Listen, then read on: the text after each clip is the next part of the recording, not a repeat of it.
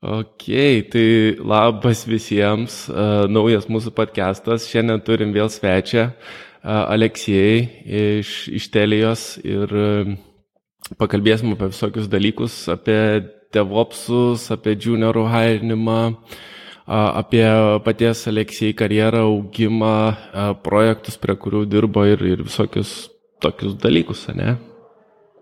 Ja, sveiki. Tai, tai labas. Uh, Tai jo, tai jaučiu nuo to ir pradedam, ką, ką ir pakalbėjome, ne apie, apie tavo Aleksijai karjerą, kaip, kaip pradėjai, kaip, uh, nuo ko pradėjai, ar, ar programavai, ar ne, kaip, kaip devopsai uh, tie atsirado, kaip į managementą nuėjai ir, ir, ir tokius dalykus. Gerai, ačiū, kad pakvietėt. Įdomus nice. experiences bus. E, jo, tai neskaitau ir nelaikau save programuotoju, gerų programuotojų tikrai, ar išmanau, pasižiūrėsim, pakalbėsim ir galėsit vertinti vėliau. Bet mano karjera prasidėjo nuo suporto funkcijos labai, labai neilgai, bet aš gavau uh, gerą labai pasiūlymą, tais laikais tiesiog prisijungti, dar nebaigęs univerą, į vieną iš didelių bankų į IT operations. Ir per tą pamačiau visą didelį IT ūkį su, visa, su visom sistemom, integracijom, daug, daug dependencijų ir visą kitą ir supratau, ant kiek tai yra kompleksiška. Tai aš manau, kad ten, ten būtent ir gavau tokį gerą motivaciją ir spyrį, kad supratau, okay, čia reikės dar daug, daug pasimokyti ir nėra taip labai paprasta. Ir va ten kelionė ir prasidėjo. Ir kaip ir vis laik kalbam, labai šiai dienai, jeigu apie IT kalba visi rinkoje, tai vis iš karto programavimas. Aš manau, opsinė dalis arba bendras supratimas apie IT labai daug duoda energijos arba įsibėgėjimo ateityje tokio į gerą karjerą, į gerą skillsetą.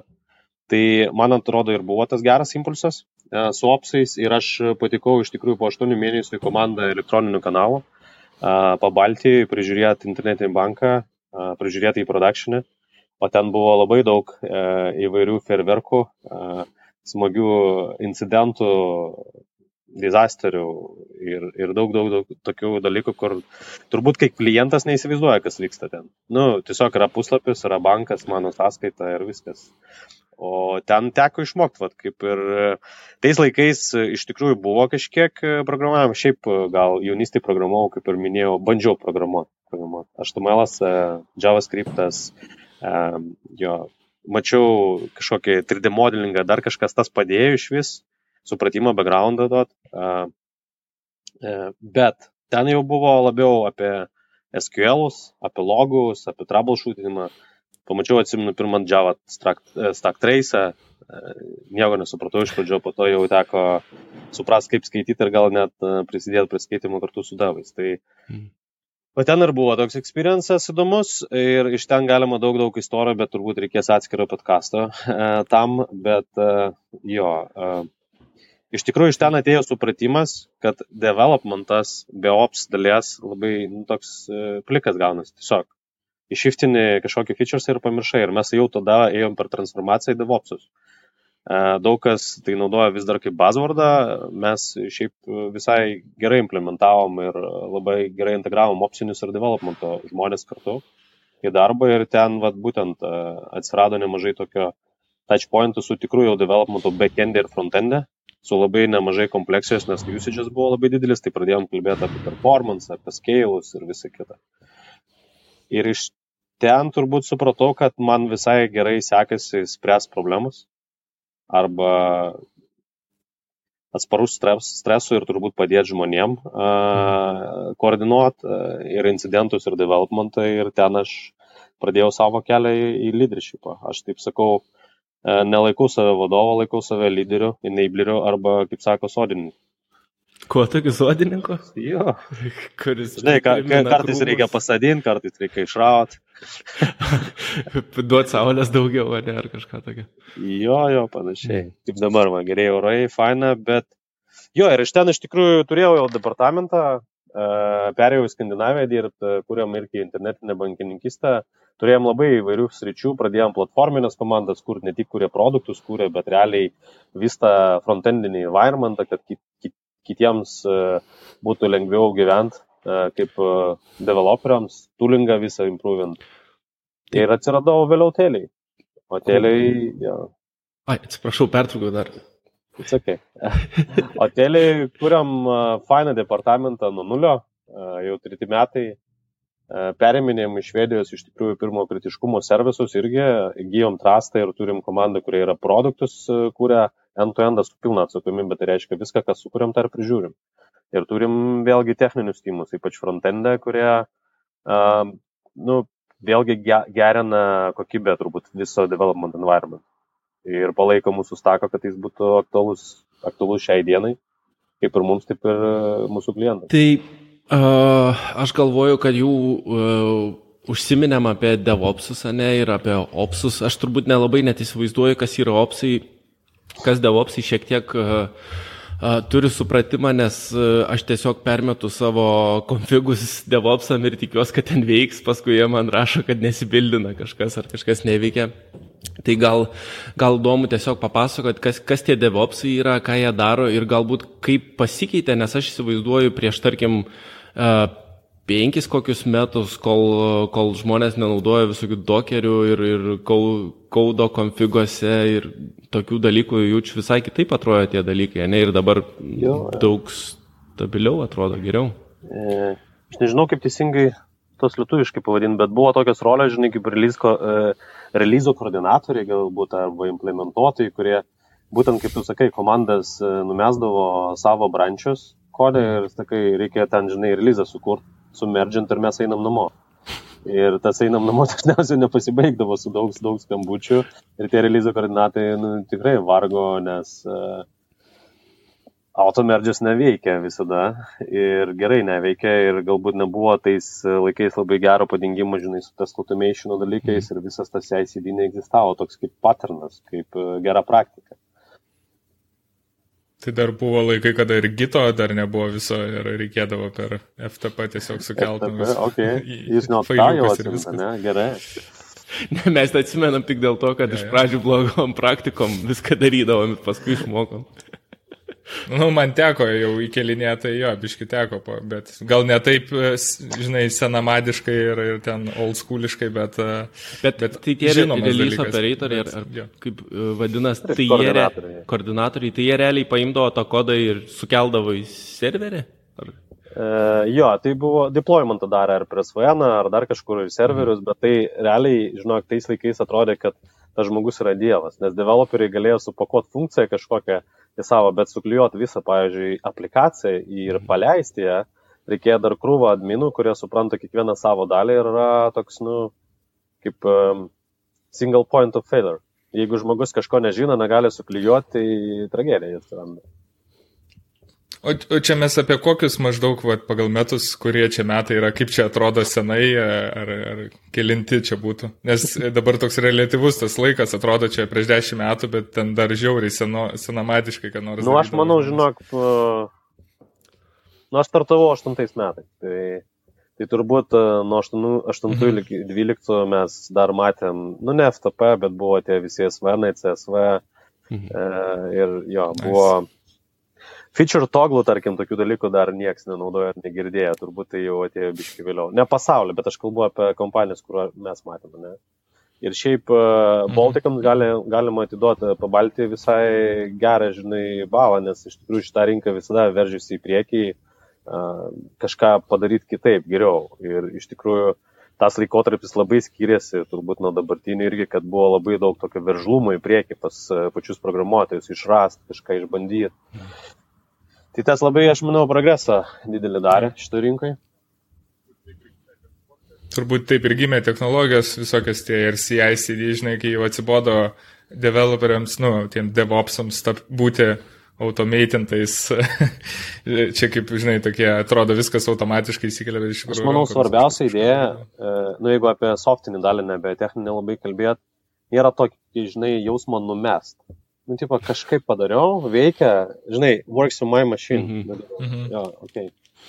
Ir ten kažkaip kažką suklyjuos ir aš neturėsiu atsakomybę. Bet šiai dienai, e, aš manau, visur jau tas patrinas, kad viską, ką tu padarai, turi prižiūri. Ir tada tau rūpi ir qualities, ir performances, ir viskas, ir feedbackas klientai. Nu, ir čia tas labai lietuviška patarlė, kaip pasiklosi, taip išmėgosi. Tai jeigu tu ten belekai pasidaręs būsi ir po mėnesio reiks tau tą patį vėl daryti ar panašiai prie to lysti, tvarkyti ir tu ten nežinosi net nuo kur tu ten, Ta. kur tu palikai, Ta. tai pačiam bus šūvis į koją, tai reikia jau būti pasiruošus ir, ir, ir tvarkingai viską daryti. Tai viskas gerai. Ja, tai, ja, tai, uh mhm. -huh. Tu atskiri opcinius tiesiog labai, žinai, aš atsimenu mhm. tavo klausimą, kurį pradžioje sakiau, kas tai opcija atskirai. Tai mhm. tiesiog tais laikais buvo žmonės, kurie sėdėjo ir prižiūrėjo produkciją. Jie nebūtinai pro, mokėjo programuoti, bet jie gaudavo krūvą klaidų, logus pradėjo žiūrėti ir jiems reikėjo tiesiog bandyti uh, reproducing, kaip klientui neveikia, žinai. Mhm. Ir tada jie registruodavo bagą, bagas keliaudavo į kažkokį backlogą, nežinau, ar net backlogą gal tada nebūdavo, tiesiog į bagzylą kokią nors. Ir ten vyko tokia, nu, interakcija per keletą departamentų. Ir, nu, tai buvo. O tai čia ne dabartinis customer supportas? Customer supportas toks yra gera pirma, pirmas lainas, kuris iš tikrųjų ap, nu, apima daugiausiai informacijos, kiek jie gali surinkti ir tiesiog perduoti. Aš sakyčiau, toks uh, jie automatizuoja basic e, inputą ir supportą, bet operations, aš kur dirbau, tai buvo third line'as arba second line'as, žiūrint kokią organizaciją, kokią mastą, kur jau žmonės išmano produktą, domeiną, uh, sugeba prisijungti prie production domenų, logų, dombazių. Tai ten buvo reikalavimai iš topsinių žmonių, kad tu gali nu, nors, nors parašyk, parašyti SQL jau rimtą, o ne tiesiog select, žinai, vieną e, baš kalba, nuskriptingas buvo ir šiaip e, su labai daug mhm. alertingų sistemų mes dirbom. Tai jis buvo, dabar jau legacy visi tie zabiksai, weblogikai, bet ten reikėjo išmanyti, e, ką reiškia visokiausi GDBC poolai, kiek, žinai, limitų duombazį useris gali turėti ir, ir taip toliau. Taip. Visi keiksmažodžiai, kuriuo aš nesupratau. Frontenderiai, jūs frontenderiai, viskas gerai. Uh, dabar, dabar viskas suprastėjo. O jeigu tada kalbant apie, apie DevOpsus, ne, jeigu, pavyzdžiui, žmogui, kuris neturi daug patirties ir gal net nelabai įsivaizduoja, ką DevOpsai daro, ar, ar kokie jų responsibility yra, kaip jie uh, veikia kartu su programeriais ir, ir apie tuos dalykus, jeigu pamėgintume pakalbėti. Ja. Tai aš manau, žinai, čia priklauso vis nuo kompanijos dydžio tikriausiai. Jeigu kompanija yra maža, aš tikiu, kad uh, kiekvienas developeris gauna pakankamai devopsinio atsakomybių, tai reiškia prižiūrėti visus deployment pipeline'us ir releasinimą patį ir infrastruktūrą turbūt supražinai. Nu, mhm. Kartais dabar galvoja, okei, okay, eisim į cloudą. Ten, tarkim, AWS viską tau dos per vieną kliką. Bet, Bet jeigu, jeigu tu neišmanai tų dalykų, tai per tą vieną kliką galima rytoj atsikelt su labai didžiulė sąskaita. ir, nu, žodžiu, DevOpsas yra labai platus ir man iš tikrųjų, aš, žinai, aš nežinau kaip jį susiaurint labai paprastai, bet labai daug įmonių skelbėsi, mes esam DevOps. Aš manau, kad nu, visos komandos yra DevOps komandos. Aš manau, mes sakom, kad mes esame end-to-end komandos, turim atsakomybę už end-to-end kaip produktą ir turim tam tikrą DevOpsinį dalį. Tai reiškia, mes tarkim, uh, žinom, kaip jaučiasi, kaip uh, jaučiasi, jaučiasi mūsų klientai, jo, kaip mūsų aplikacija sukasi, kaip servai apkrauti, uh, kiek podų pakelta, pavyzdžiui, produkšinė ar dar kažkas. Mes žinom, kaip infrastruktūra šiandien atrodo ir mums tai rūpi.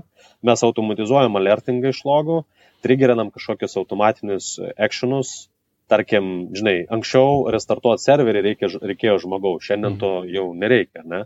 Tai va čia yra dalis devopsinių mhm. dalykų, bet tai yra pakankamai basicai, o tikras jau devopsas vis dėlto tai yra, nu, žiauriai stiprus specialistai, kurie vis dar fokusuojasi į, į infrastruktūrą, architektūrą ir e, moka pakurti tokį, tokią aplikaciją ar tokią visą infrą, kurią reikalinga tam tikram, nežinau, srautui klientų, produktui ir taip toliau. Nes tai yra labai dabar konvertuojasi į greitai pinigus. Tu tam pačiam klaudė gali pasileisti labai pigiai, gali pasileisti labai mhm. brangiai visą infrastruktūrą. Ir čia yra Bet seniau būdavo tas dalykas, kad e, tie, nu, sakykime, backenderiai ir būdavo tie devopsai tokie automatiškai, bet dabar atskilęs yra jau tas tikrasis devopsų jau e, branšas, kaip čia pasakyti, kuris e, jau yra tie žmonės, grinai tik ant to specializuojasi ir, ir, ir komandose jų net nereikia tiek mm. daug iš dalies. Pavyzdžiui, ten jeigu komanda iš kokių 20 developerių ir ten yra, na, nu, aišku, čia nuo projekto priklauso ir kokie jie tenais ir kiek tenais smarkiai yra infrastruktūriškai svarbus dalykai, bet uh, dažniausiai vienas, du devopsai prie komandos ir po to ja. taip viskas. Dažniausiai mes turim, tarkim, čia ir turėjom kitą organizaciją, dažniausiai tai vadinasi Platforms Team, kuris uh, fokusuojasi labiau į infrastruktūrą ir architektūrą aplink uh, mhm. visą tą uh, backendinį etapą ar dar kažkaip, bet vis dėlto mes komandose tikrai skatinam tos tam tikrus skilstus, nes uh, Na, aš nežinau, anksčiau labai tu teisingai pažymėjai, e, pastebėjai, kad džiavistai gal turėjo daugiau know-how apie troubleshootinimą, ypač kai Java stack traces iškrenta, o ką toliau daryti, o kaip logus pasižiūrėti, kaip surišti viską, žinai. E, nes, nu, mhm. fronte parodo klaidą ir ką, žinai, o dar yra daug dependencijų, daug sistemų ir reikia kažkaip atrišti. Jo, bet. Ja. Tai tie patys netgi pas mane komandoje irgi mm. PHP developeriai, kurie nu, pra, pradžiai, sakykime, tai jie ten atsakingi ir už visus tos pačius servinimus, e, suradimus, kur tenais po to pahostin, kur dėti, kaip ką. Ir po to jau tenais iš, iš, išaugo į tai, kad jau nu, tiesiog jau žinios nebeleidžia, nes atsi, atsi, atsiriamė į tuos ir limitus ir kažką ir tada jau reikia žmogaus, kuris e, būtent dirba tik su tuo ir, ir žino optimaliausius sprendimus e, su infrastruktūra. Nebeužtenka jau tų paprastų e, freelancinimo žinių, kai tu ten viską padarai ir pa hostinį, ir pa frontendinį, ir pa backendinį. Jo, bet šiai, šiai dienai, pavyzdžiui, kalbant su developeriais, kai žmogus pasižymi savo stakę, pavyzdžiui, dokerį, ar ne? Mes dažnai paklausim, tu esi vartotojas, ar tu gali pakur dokerį, yeah. sukonfigūruoti ir visą kitą. Ir, žinok, tai nėra iš karto, kad tu esi yeah. DevOpsas. Tai yra, manau, normalus jau skilas, kuris developeris privalo turėti. Galbūt ne junioras, aišku, developeris. Tas pats yra apie kokį nors Kubernetus ar Jenkinsą tą patį tu naudoji, bet jeigu tu nesupranti, kas po to slepiasi, kas ta Jenkinsas ar ne, apie ką tai... Uh, jo, bet aišku, yra labai žmonių, kurie fokusuojasi DevOps, DevOps atraką ir iš, atsiranda iš tikrųjų nemažai poreikio, ieško, pavyzdžiui, frontenderių su DevOpsiniu know-how cloud'e. Ir tu toks, okei, okay, geras miksas, jo. Va, Įdomu, iš tikrųjų, ja, tikrųjų pointą palėtėm. Koks yra tas DevOps atrakas, ne? Kaip, kaip, iš kur dažniausiai žmonės nukeliauja ir kaip nukeliauti ir kodėl žmogus susidomėtų būti DevOpsų vietoj to, kad programuotojų. E, aš priskirčiau turbūt DevOpsus labiau prie pro, problem solverių, kuriems e, galbūt ne produktų kūrimas rūpi, o būtent visos aplikacijos architektūra. Ir jeigu tu, tarkim, iš fronto nueini į kažkokį produktą kaip full stackas, tarkim, su Node.js, mhm. kaip JavaScriptininkas, ne, tu tikriausiai gali, žinai, jau pamatyti ir kokią nors cloud architektūros ir visą setapinimą ir tu pradedi gilintis, jeigu tu supranti, kad tave užkabina e, ir tu turi galbūt tą gerą, žinai, analitiką ir tą visą integracijos mąstymą, tai tiesiog galbūt tą pusę eini. Nes, na, nu, aš nežinau, man atrodo, vis tiek DevOpsas, kaip aš, gal čia yra iš mūsų patirties, tai yra labiau backendinė žmonės, galbūt mhm. tas mąstymas. Uh, jo, aš pritarčiau irgi. Nors visokių būna, čia va dabar, kai nebuvai vienas žmogus atėjęs, tai baigęs dailės, man atrodo, liktai neklysiu dailės akademiją, toks dar uh, su įsiukais tokiais pasuktais, tai nežinau, jeigu klausai, tai linkėjimai. Tai, žodžiu, toks žmogus žiauriai charizmatiškas, labai toks matas spalvingas, bet va, DevOpsas, grinai atėjo į DevOps poziciją dirbti. Tai netgi tas backgroundas atrodo galbūt meninis daugiau, bet vis tiek žmogus e, mėgsta va, šitą dalyką. Žinai, nu visasgi, visas IT ir programavimas yra apie puzlių dėliojimą, ar ne, galvosakių sprendimą. Ten biški toks platesnį, platesnį visą paveikslą turi ir turi, nu, Jo, ten, ten turbūt tu statai tas pamatus, ant ko viskas suksis toliau. Ir, ir vis dėlto laikai tą namą kaip duvopsinis dalykas. Mes kalbam, aišku, apie biški sunkesnės aplikacijas negu tiesiog iš šopo, žinai. Nu, ir... Ja, ja.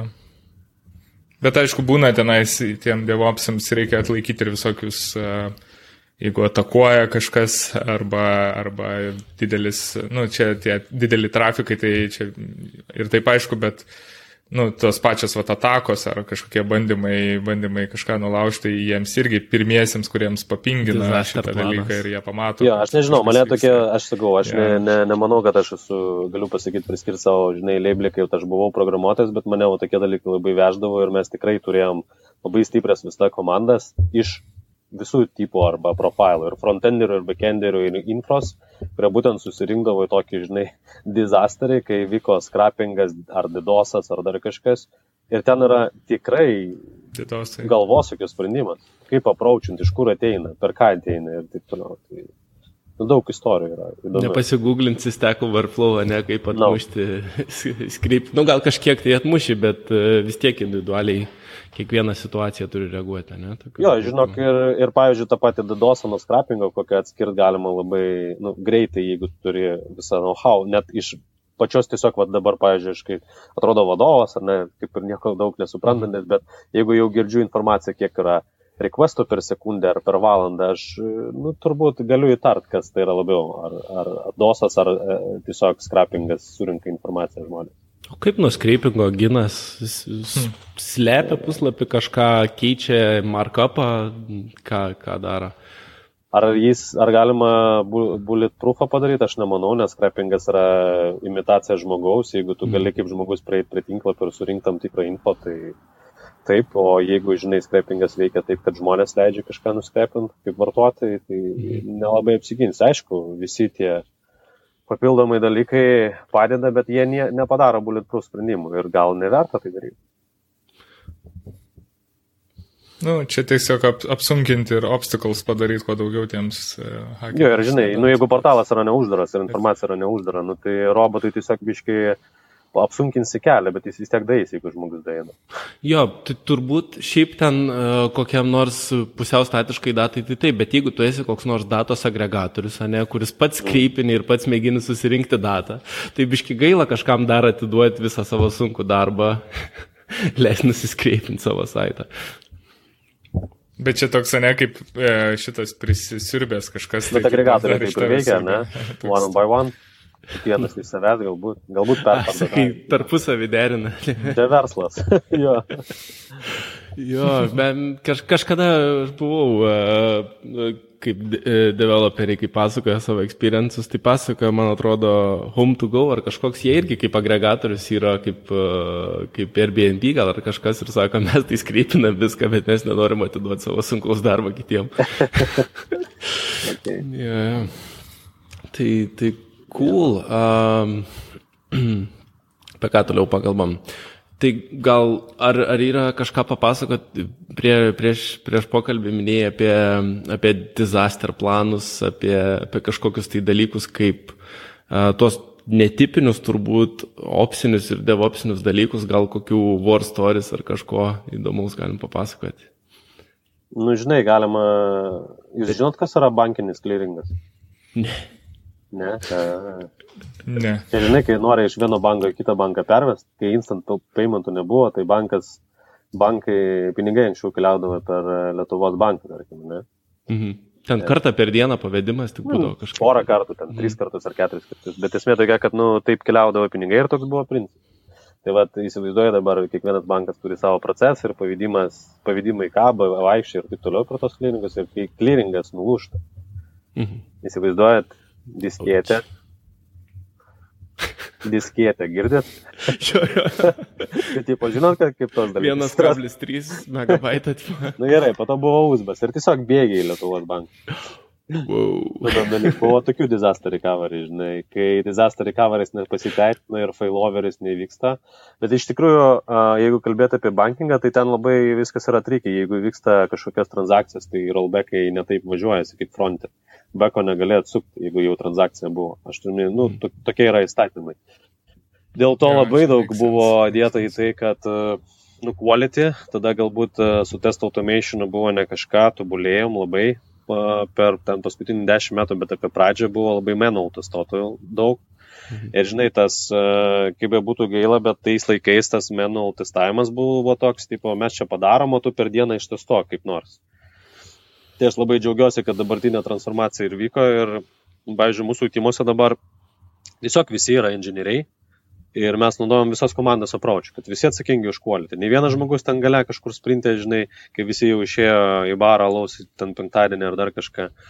Tai vad, e, nu buvo įdomu. Įdomu buvo keisų, kai, tarkim, data centras išsijungia, o ten, tarkim, žiūrkė kabelį pragražė. Bandau užpylę, ne? Tai čia panašiai, ja. kur užpylė. Bet čia žiauriai, senai, žiauriai. Bet... Uh... Tai šiaip e, juokas juokais, bet, pavyzdžiui, aš vat, iš, iš, iš muitinės tų e, srities atėjęs, nu, ne, tarpininkų prieš tai dirbęs, tai, tai likščiol yra ten irgi tas dalykas, kad e, pakimba sistemos, e, o jos yra ten vos netokios unified. E, Ir irgi, eini su, netgi su to pačiu flopiku, dar likščiol eini su flopiku pas juos. Ir netgi įmonės, žinau, yra užsipirkusios, turi savo vat, asmeninis kiekvieną flopikus, kad va, tokiams edge case'ams galėtų matyti. Nu, jau dabar pagerėja dalykai, kai kur gali ir su USB tą pasidaryti dalyką. Tai, pavyzdžiui, nori susi susitvarkyti tą pačią deklaraciją, tai vad nukybus yra sistema, aišku, visi nervuoti, visi piktai ir eini ir viską rankiniu būdu va, darai. Man dar įdomus toks, būdais. atsimenu, čia prieš metus gal laiko, ar, ar visi bankai ar ne, bet mano, mano sebas apdeitinos kažką, neveikė ten šeštadienį naktį. Ir po kažkiek laiko aš turėjau vesti pinigus ir 3D Secure, man atrodo, yra dabar biški pakeitę tenai. Ir e, einu, einu aš per visą tą procesą ir mane numeta į local host. Kaip tokie dalykai atsitinka? Nice. Ir aš tada skambinu jiem ir aš jau aiškinu, sakau, čia local hostas, nežinau, čia gal dev environmentas paliktas ar kažkas. Ir nelabai jie suprato, bet po kokio trijų gal savaičių pasitaisė. Tai kaip, kaip tokie pasidaro, kas ten atsitiko, gal inside knowledge kažkoks? Nežinau, ypač jeigu tai yra visai, žinai, nesenai istorija tokia. Mhm.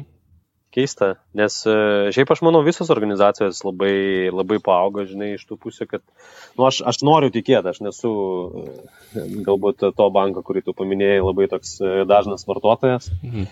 bet man atrodo, nežinau, šiaip tokia, žinai, spraga palikta labai, atrodo, extreme cases.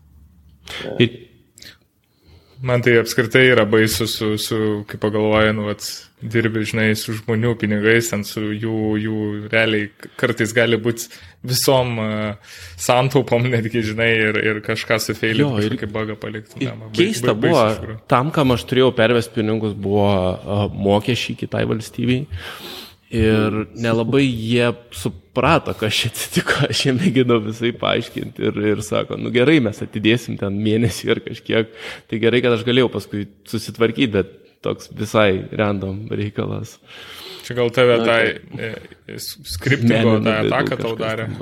Jo, bet šiaip e, geras pastebėjimas, aš šiaip būčiau toks labai nustebęs, kad kaip tu patikai local host networko atveju turėtų uždaryti, net jeigu developeris paliko nu. urlą, žinai, per klaidą. Pirmas, aišku, žinai, yra tokie dalykai kaip code review visi, reiškia, praslydo ne per vieną developerio akis, tada testavimas klausimas.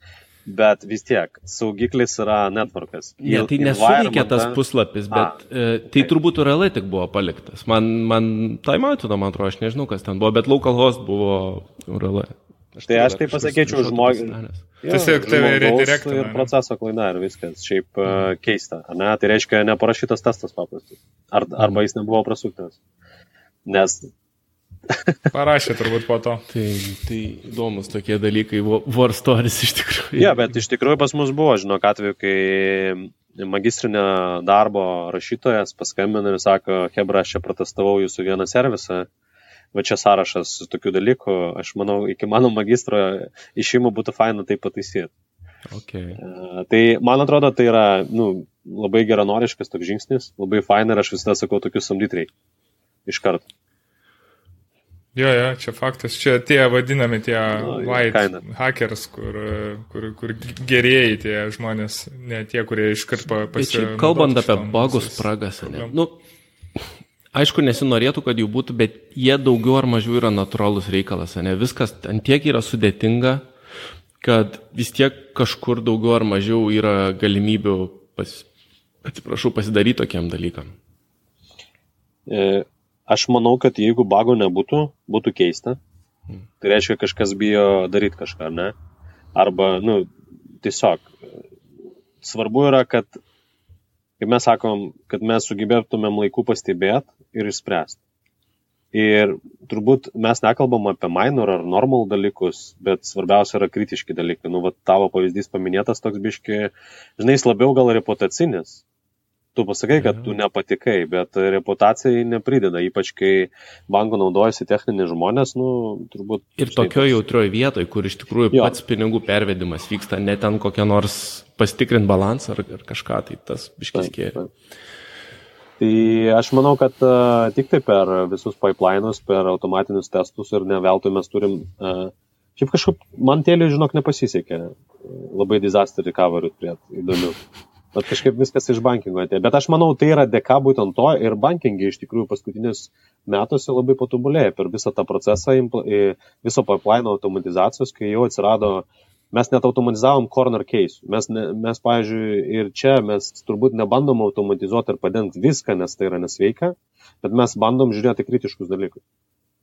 Ir tiesiog tada reaguot, mes, kaip ir minėjau, turim end-to-end, prižiūrim sistemą, pavyzdžiui, mes žinom, nu, average mūsų klaidų kiekį per 5 minutės. Jeigu jis padidėjo releaso metu ar dar mhm. kažkas, nu, tai mes iškart mes laukiam, kol mūsų klientas paskambins.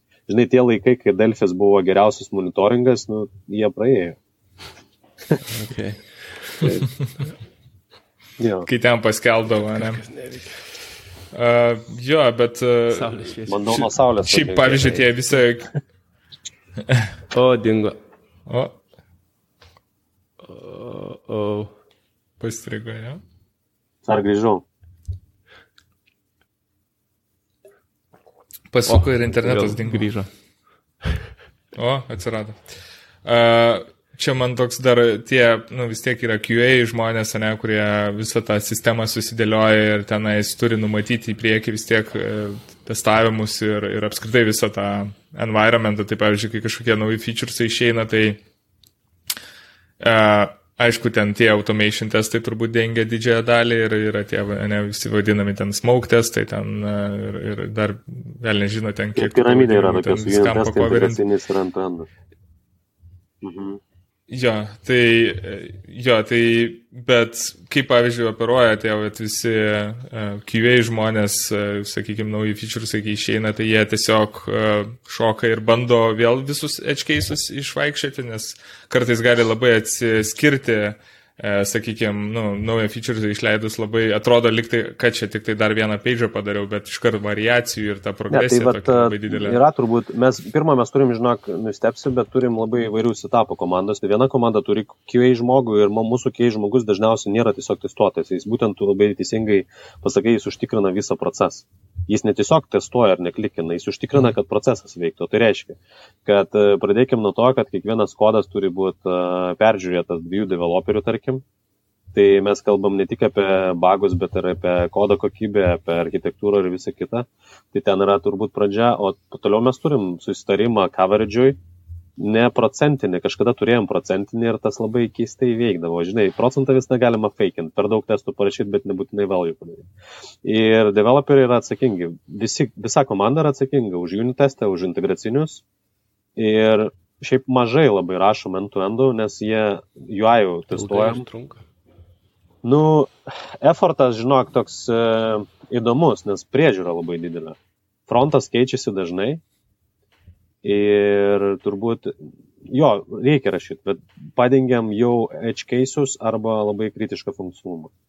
Ir tada, žinai, mūsų pipeline jau yra taip veikia, kad mes sukam tiesiog tas testus uh, on demand arba nors su kažkokiu frequency, tarkim, kas naktį ar kas ten valandą žiūrint, nu, koks laudas uh, su delivery. Bet šiaip, releaso kaip tokio supratimo bandom atsikratyti ir daryti releasus ar deployintus į productioną kiek įmanoma greičiau ir mažesnius, tada ir impaktą yra labai lengva nustatyti.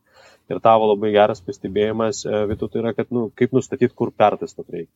Tai aš manau, čia jau domenų supratimas ir know-how, kur, kur gali, žinai, šauti ir va čia regression automatizavimas turbūt e, padeda. Mm, mm. Man šiaip tas visą laiką aš irgi esu tokių girdėjęs tų istorijų, va, su tokiam didelėm kompanijom, didelė ar ten tie patys bankai, tai irgi turi tų stadijų pilna, ten tie visi stagingos, e, stagingos, stagingai, po to ten dar kažkas, nu, ten tų lėrių, kol daina iki kažkokio releaso ir kol tu, nu, sakykime, nu, reikia naują batoną įdėti ir kiek tenais protestuoti ir kiek serverių tokių imitacinių, kad ir tikrų, kaip atrodytų liktai tikrų Tai nu, labai daug tų lėrių užsideda. Ar čia taip e, iš tikrųjų yra, kad tų lėrių... Aš negaliu daug, pasakyti, ar, ar taip yra. Bankė jau nedirbo tris metus. Uh, tame departamente, kur mes dirbam ir kur aš dabar dirbu, taip nėra. Aš turiu minį, mes, uh, mūsų tikslas yra, sakau, pamirš žodį releasas ir pamirš tokį dalyką, mhm. kaip keturių releaso per metus yra wow, koks geras targetas. Ne? Mes darom, stengiamės daryti okay. releasus, kai matom poreikį, ne tiesiog vat, 30 e, releizų per dieną, nes tai yra irgi toks, nu, ar ne, kiekvieno labelio ten galbūt ir nereikia deployint, bet esmė tokia, kad mes releasinam net tą funkcionalumą, kuris nematomas klientų. Jis laukia savo eilės arba edono kažkokio. Ja. Be abejo, yra dependencijų interkomandų kažkokių, žinai, ir va tada yra, nu, turbūt planavimas kelių komandų, kaip tą padaryti. Bet vėlgi, nu, ne veltui mes įvedam visus tos mikroservisus ir e, mikrofrontendus kai kur, kad lipdyti tą Lego koladėlėm taip in a smart way, kad mes galėtumėm savo tai leisti. Aš e, vėlgi noriu tikėti, kad ir bankai juda link to, e, bet tėliai šiaip aš komandose jau labai retai girdžiu, o mes padarėm release, žinai. Nes atsimenu, tie visi release mm. keikai, žinai, džiaugiasi, du kartus per metus išėjo naujas, nu, wow Aš, pavyzdžiui, jau neatsimenu, kada mačiau maintenance langą, niekada tokio approach'o čia netaikom. Pavyzdžiui, kitur vis dar kartais matau, ten po 23 valandos negalima padaryti pavydimo ir tu toks, why? Man, man, man reikia dabar, aš jūsų klientas. Kai maintenance langas, ai, kai neveikia kažkoks servisas. Ja. Nu jo, tas, kol releasinas kažkas tai uždeda, nes dabar jau tie visi continuous integration, continuous devel, tas deploymentai, tu net nematai, tu matai seną, seną versiją ir po to tau atsiranda nauja, tiesiog, nu, behind the scenes suveikia tie visi dalykai. O su tais senaisiais būdais tų releasų tai dar vat, būdavo, kada tu varom į maintenance maudą ir ten kokiam 5-10 minučių priklausomai nuo projekto ir nepasiekiamas dalykas. Ir ten viską. Eksperimentavom pavadinam. daug ir senais laikais, kaip su netvarku galima pažaisti, permesti iš vieno servo į kitą kliento trafiką, kol čia sesijos pasibaigė, naujos ten prasideda. O dabar labai daug naujo tulingo, žinai, kurie padeda tą išspręsti ir aš manau, kad Nu, jeigu anksčiau gal diktavo kompanijos sąlygas, dabar klientai jau turi. Aš, turiu, aš, aš tikrai susierzinu, jeigu, tarkim, kažkas man neveikia, va čia, kai man dabar reikia. E, ir ypač aš kalbu apie nu, kritiškus, tarkim, tėliui, tai yra tikrai nu, networkas, ne, labai daug deploymentų, ten yra iš vis nulinio kritiškumo, kur downtime negal, negalimi, nes nu, ypač pandemijos metu buvo žiauriai kritiška, tas pats su banku susiję. Tu galbūt užeini vieną kartą per mėnesį ten sumokėti ar dar kažką, bet tu įsivaizduoji, tuo metu tau neveikia. Ar nori kažką nupirkti ir bankas neveikia. Nu, tai Čia kartais net nesusimastai, kad, e, sakykime, ten jo, va, tau neveikia, čia kaip buvo, tas pavyzdys su to pačiu Google, ne, kai čia buvo užlūžęs kiek ten valandą ir kiek ten esi, tai ten milijardai nuostolių vien tik dėl to, nes kai tu paskaičiuoji ir sudedi iš per visą pasaulį, kiek susideda žmonių, kurie norėjo pasinaudoti. Tai tik apie tai Google produktą, kiek ant Google produktų pagabinta kitų produktų. Žinai. Tai prisilogint jaučiu žmonės negalėjo. Jo, jo, tai tas pats YouTube'as. Jo, jo, YouTube'as buvo pa, pakybęs. Ten kažkam net girdėjau, Smart House'as visas buvo nulūžęs, nes e, viskas su Google House'u to visų buvo pasidaręs. Ir sako, po tokio biškai realizinau, sako, kai net e, lemputės įsijungti nebegaliu. Bet va čia yra edukacija, kai kalbėjom apie DevOpsus, pavyzdžiui, nu, yra, yra turbūt e, ateina tas, žinai, kai tu esi junioras, tu turbūt negali nei išskaityti, nei, nei sužinoti, kol tu nepraeini kažkokį experience. Pavyzdžiui, kodėl penktadienį E, tarkim, darbo dieną pabaigoje nelabai ne, ne patartina padaryti prieš savo darbo pabaigą kokį deployment, tai rodo, ne? Nu, kas tokio padariau ir iš jo. Tai, nusakau. Pas mane yra lipdukas deployant Fridays. Tikri vyrai, ne? Ant kompo. Ja, ja. O šiaip, e, jo, vat, e, kaip čia, jeigu taip apie juniorus dabar pereit pakalbėti, tai sakykime, vis tiek komanda, nu, čia jau apie teliją kalbėt, tai kaip, tarkim, uh, kažkokį, va, pirmą tokį, ar būna, kad eina iki production lygio kažkokio bago, ar dabar tiek jau tų gardų ir tiek jau tų procesų yra uždėta, kad jisai, nu, junioras jau jam toli gražu, kol jisai dar sugadins kažką nu, re, realiam projekte, e, dar jam reikia daryti. E, aš noriu taip tikėti, kad procesai neturėtų praleisti, o procesai, pavadinkim tai, kad e, komanda pati padaro tos geitus ir kiekvienas junioras dažniausiai gauna savo arba priskirtą mentorį, arba keletą mentorių, kurie proaktyviai dirba su juo ne dėl to, kad prižiūrėti ar klaidų nebus, o dėl to, kad padaryti žmogui tinkamą būstą ir tai reiškia, jo kod reviewai yra atsargesni ir turbūt išsamesni ir dažniausiai tai daroma per PR programmingą. Ar bagas negalėtų praeiti? Nu, vėlgi, nu, visi mes darom klaidas ir mes kuriam čia tokį safe environmentą, kad žmonės nebijotų daryti klaidų. E, yeah. Jo, tai dėl ko aš, vat, man tas klausimas galbūt ir kylo, nes esu girdėjęs tiesiog tokių nuomonių iš šono žmonių, kurie, vat, aplaina į tokias didesnės galbūt kampanijas ar didesnius projektus, kad tiesiog bijo, bijo su, sufeilinti ir padaryti, vat, kažkokį, tą ir toks biški tokia nu, prasideda tokias mikro baimės, ką aš ten atėjęs, ten tiek daug seniorų, tiek daug visokių kietų, aš čia toks mažas ir nu, kažką supjausiu ten žiauriai grybą. Tai tos baimės, bet va, reikia suprasti, kad e, tokiuose komandose yra labai tos e, sistemos. Jo, ir aš manau, žinok, yra toks e, psychological safety dalykas komandose, agilinis ir kad tai nėra tiesiog, žinai, agilas, jeigu stand-up padarai, bet tai yra apie mindsetą komandą ir aš už savo komandas tikrai galiu atsakyti, kad mūsų, jeigu mes neturim šiaip senior, junior, regular, mes turim tiesiog software engineers ir mes turim skill matricą, kur mes apibrėžiam visus savo skillsus. Bet mūsų seniorų, pavadinkim taip, ar žmonių, kurie labiau patyrus ir daugiau darbas yra sukurti tokią aplinką, kad junioras galėtų aukti juniorius galėtų klyst, juniorius galėtų klausti, kodėl. Ir, nu, vat, aš turiu minį, tai nėra promo, bet aš turiu minį, mes šiaip sakom, kad stresas ir baimė žmogų blokuoja. Mes net per bandomai sakom, bandomasis jo. yra toks labai, nu, gal jis formalus dalykas iš HR pusės, žinai, iš sutarties, bet žmogus neturi save blokuoti, kad va, tik per tos tris mėnesius čia, žinai, gerai turi eiti, aš turiu pavaryti. Mes turim sukurti aplinką, kur tu, tu, tu turi jaustis ok, o tu turi atnešti su savim norą varyti. O mes turim suportinti. Ir dėl to tie seniorai, nu, gėda, jeigu taip yra, kad junioras ateina, o jie kaip vilkai žiūri.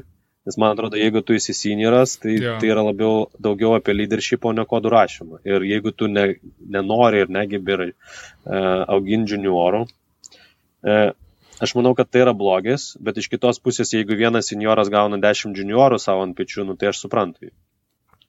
Tai Sunku, visur yra toks balansas, taip, ja. turi būti.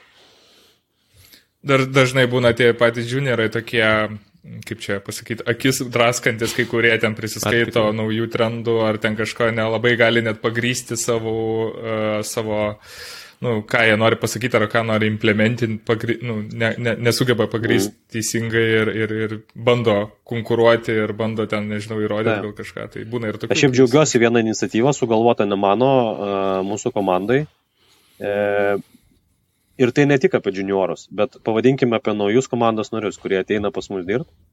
Mes tikim, kad kiekvienas environmentas turi savo specifiką. Pavyzdžiui, jeigu tu ten dirbi vienoje kompanijoje, ateini visiškai kitą environment, į kitą produktą ir taip toliau, tau reikia biškai impulsą duoti. Tai mes dabar bandom pakurti tokį dalyką, kur mes šiaip aprašom frontendo dalykus kažkokius, kur mes bandom duoti tokį sąrašą, kad tu turėtum prabėgti akim ir tiesiog savo galvoje uždėti, okei, okay, žinau, kas yra CICD, okei, okay, žinau, kas yra design patternai, žinau, kas yra ten, okei, okay, nežinau, kismet ten metodas ar dar kažkas. Ir jeigu tu uždėti varnelės, gal tu užtruks mhm. ten savaitę, bet gal juniorų atėjusiam tai bus geriausias, žinai, trekas golsams, tiesiog, okei, okay, Hebra, man čia reikia pasimokyti. Kodėl to reikia? Kad mes būtum, žinai, vienam puslapiai, kai, nu, ant vieno levelio pokalbio, apie ką mes kalbam. Jis nebūtinai turi žinot giliai, bet jis turi bendrą turėti supratimą. Ir čia kaip roadmapas užpildyti kažkokius kilgiapus iš esmės, ne, jeigu kažko nežinai. Jo, jo, būtent. Tai, mm. nu, aš turime tai padeda, nes junior žmonėm, kaip mes supratom, ar mes darėm tų, tų klaidų, kai žmogus ateina, mes jį įmetam į vandenį, uh, pavyzdžiui, kokį nors produktą kūrimą ir jis tiesiog kuria taskus. Bet aš, mes tą etapą jau pragyvenam ir iš tikrųjų dėkingas Timui, kuris atnešė, žinai, tokią mintį, sako, palauk. Tai gal su, supraskim, ant kiek jis dar nežino aplink programavimą, pavyzdžiui, kas yra networkas, o kas yra firewallas, o kas tas, nežinau, kodėl tas SSL reikalingas, žinai, aplamai. Ir tai yra gali būti labai easy coffee tokas, kur žmogus, be abejo, jis gali paskaityti, bet kartais jis gali, žinai, ir gauti uh, tokią info.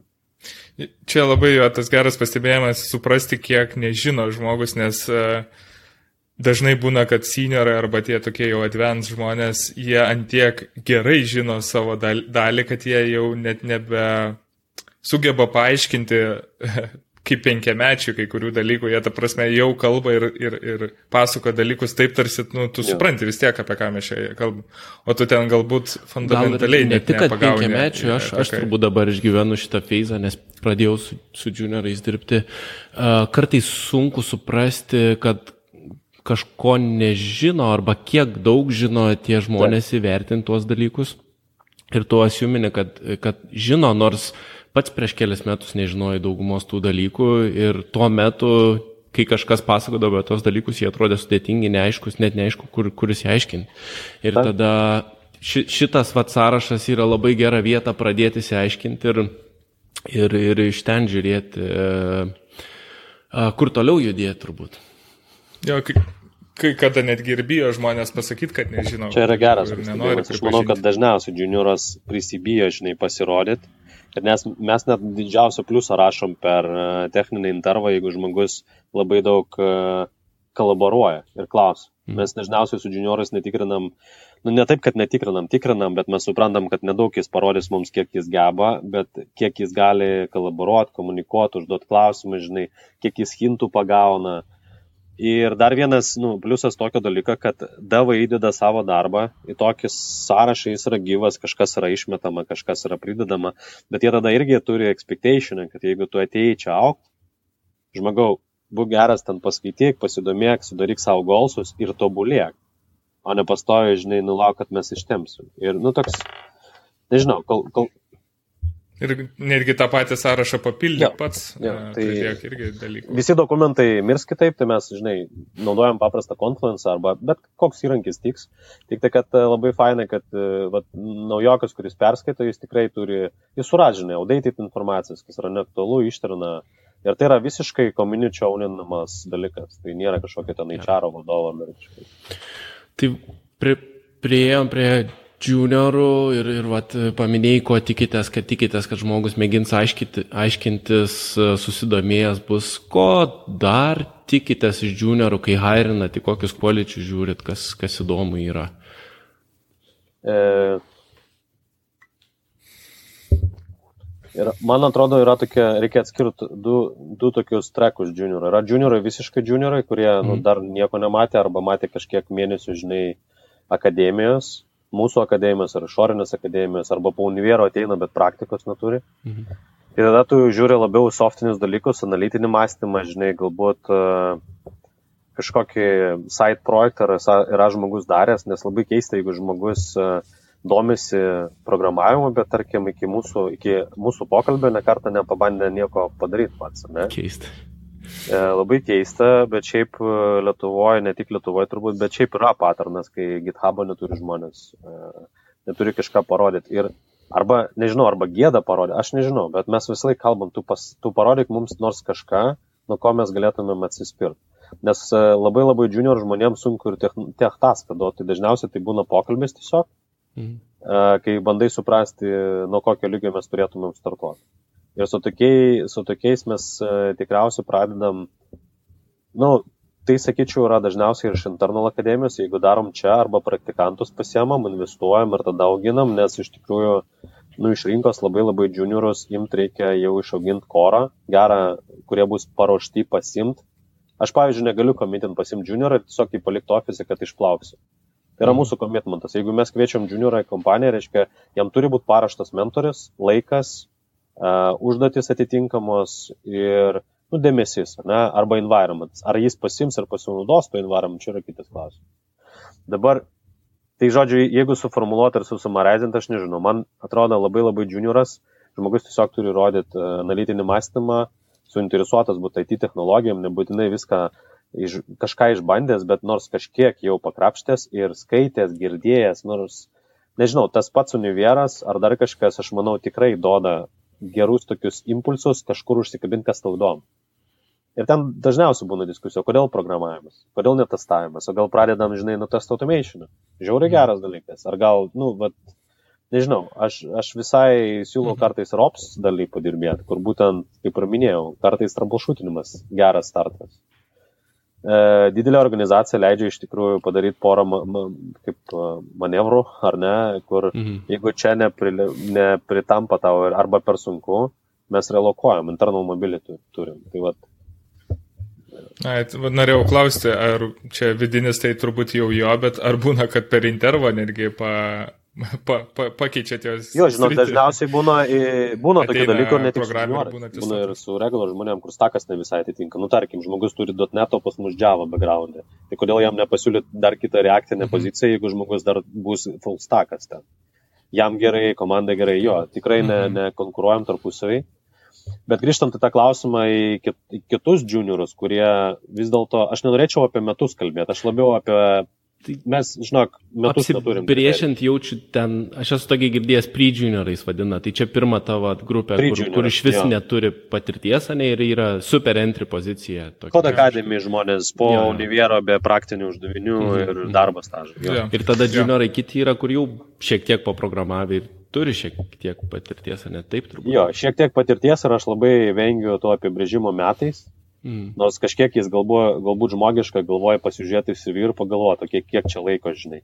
Bet esmė tokia, mes visą laiką kalbam apie patirtį, ką tu esi daręs ir ką tu darėjai. Tai mums žmogus yra, be abejo, jam reikia šalia mentorus, bet jis turi būti veržlus ir labai, labai linkęs investuoti save. Tai reiškia savo asmeninį laiką, e, nes IT ant taip greitai keičiasi, kad tu tiesiog tas laikas, kai tu esi dar jaunas, junioras ar visa kita, tau tiesiog, va, nu, aš nežinau, tu kaip raketa startuoji. Siurbi tiesiog visą informaciją ir jeigu to, to viržlumo ir pasirašymo neturi, nu, žinok, sunku man bus patikėti, kad tu nori programuoti, nes, man atrodo, kartai žmonės ateina į programavimą nesuprantami, ant kiek tai yra sudėtingas darbas. Tikrai taip. Esu girdėjęs tokių pavyzdžių, kur, ai, va, čia patapsi programuotoju ir po to ai, blemba, čia reikės prie kompiuterio daug sėdėti, ne, ne, ne labai gal. Tokių visiškai skirtingas požiūris ir, ir jo, čia ne nuo 8 iki 5. Jo, ir aš, ir aš manau, kad, žinai, mes visą laiką žiūrime taip, kad tie juniorai jau labiau gal tegul padirba full stackiniam profilę, pamėgina ir vieną ir kitą, supranta daugiau, kur, kur, kur vis dėlto jų. Mm, nesadinam tiesiog ant bago, jokiais būdais, duodam viską padaryti Ir mat, kažkaip norisi išgirsti ir iš jų praktikos, ko jie darė. Ir tarkim, iš tų juniorų irgi, nu žinok, GitHubas, nežinau, ne, nu tegul ne GitHubas, bet žmogus gali mums papasakoti, apie ką jis daręs pats, bandęs, žinai. Pavyzdžiui, perskaitė apie kokią nors naują technologiją, nu aš, aš labai noriu tikėti, kad jeigu tu esi startuojant, tau turi būti įdomu išbandyti. Mm. Nu, net paprasta, žinai, kažkokią Hello World parašyti, ar dar kažkas. Mm. Tai... Yeah frame, jo. su framework ar su kažkuo. Dažniausiai tokie labai paprasti expectationai būna, o kur, o kur tu, žinai, bandai mokytis tobulėti, per kokias platformas, o ką, ką tu followini. Ir jeigu žmogus toks boks ateina, labai jūs man duokit, o aš kol kas nieko, ir tu toks, mm, ok, bus labai sunku. Tai tas pavyzdys buvo apie tą sąrašą labai toks geras. Mes duosim environmentą, mhm. bet ar tu paimsi, va čia klausimas.